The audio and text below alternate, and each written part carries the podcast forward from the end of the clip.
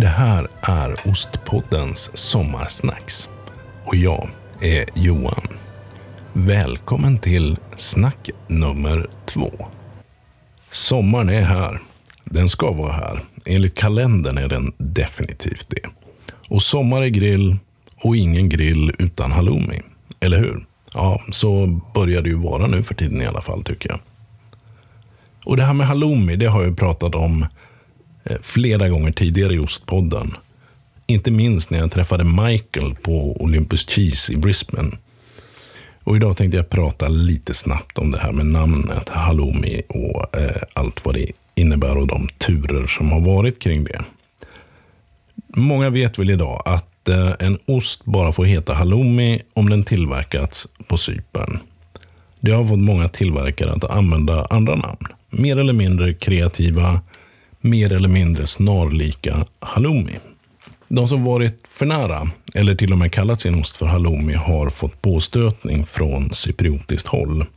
Där man menat att eh, halloumi-namnet tillhör Cypern och de cypriotiska tillverkarna. Resultatet av det här det är bland annat att organisationen Sveriges Gårdsmejerister, som vi ska prata om i ett annat sommarsnack, de har i alla fall tagit fram ett eget namn som de har fått skyddat.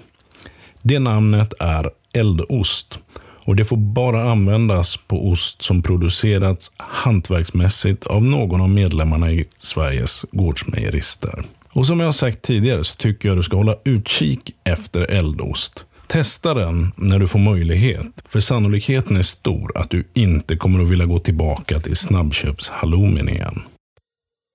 Och hittar du inte eldost i din butik så eh, kolla in den där appen jag pratade om igår. Den som heter Mathantverk.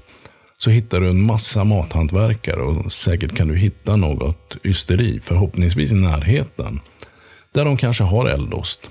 Och så kan du ta en tur dit och skaffa en bit. För att rimma också. Det är också så att på Sveriges Gårdsmejeristers webbplats finns alla medlemmar i organisationen. Så kolla in webbplatsen och du hittar garanterat en massa gårdsmejerier att besöka. Men hur var det egentligen med det där namnet då? Ja, innan jag fortsätter så måste jag bara säga att inte långt framför mig har jag en, med mina mått mätt, enorm spindel som rör sig lite väl mycket. Men jag ska tappert försöka ta det här snacket i mål. Nu är han på väg mot mig också. Eh, hur som helst, namnet. Jo, jag har grävt lite i det där och eh, dels har jag hittat att man från cypriotiskt håll sökt om att få halloumi ursprungsskyddat.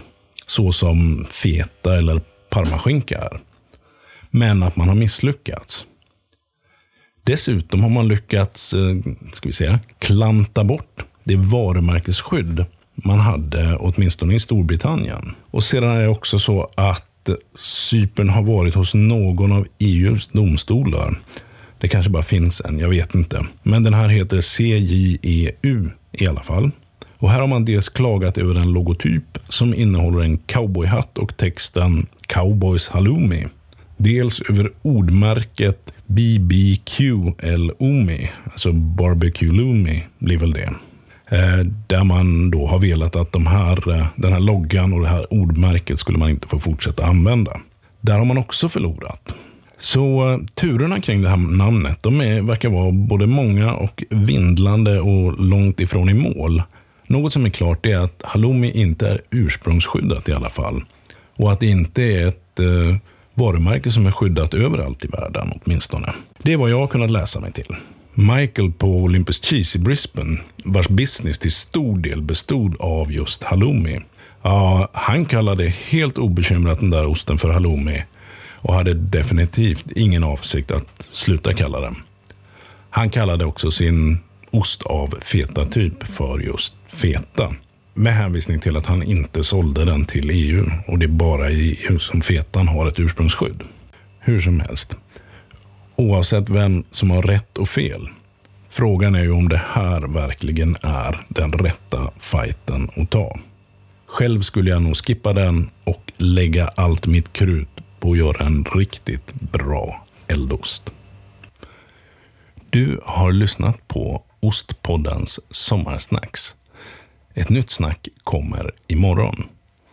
Kan du inte hålla dig tills dess, så håll ett öga på Instagram och Facebook också. Där händer det möjligtvis någonting redan tidigare. Annars, välkommen tillbaka imorgon och tack för att du har lyssnat. Husk på som har snackats upp.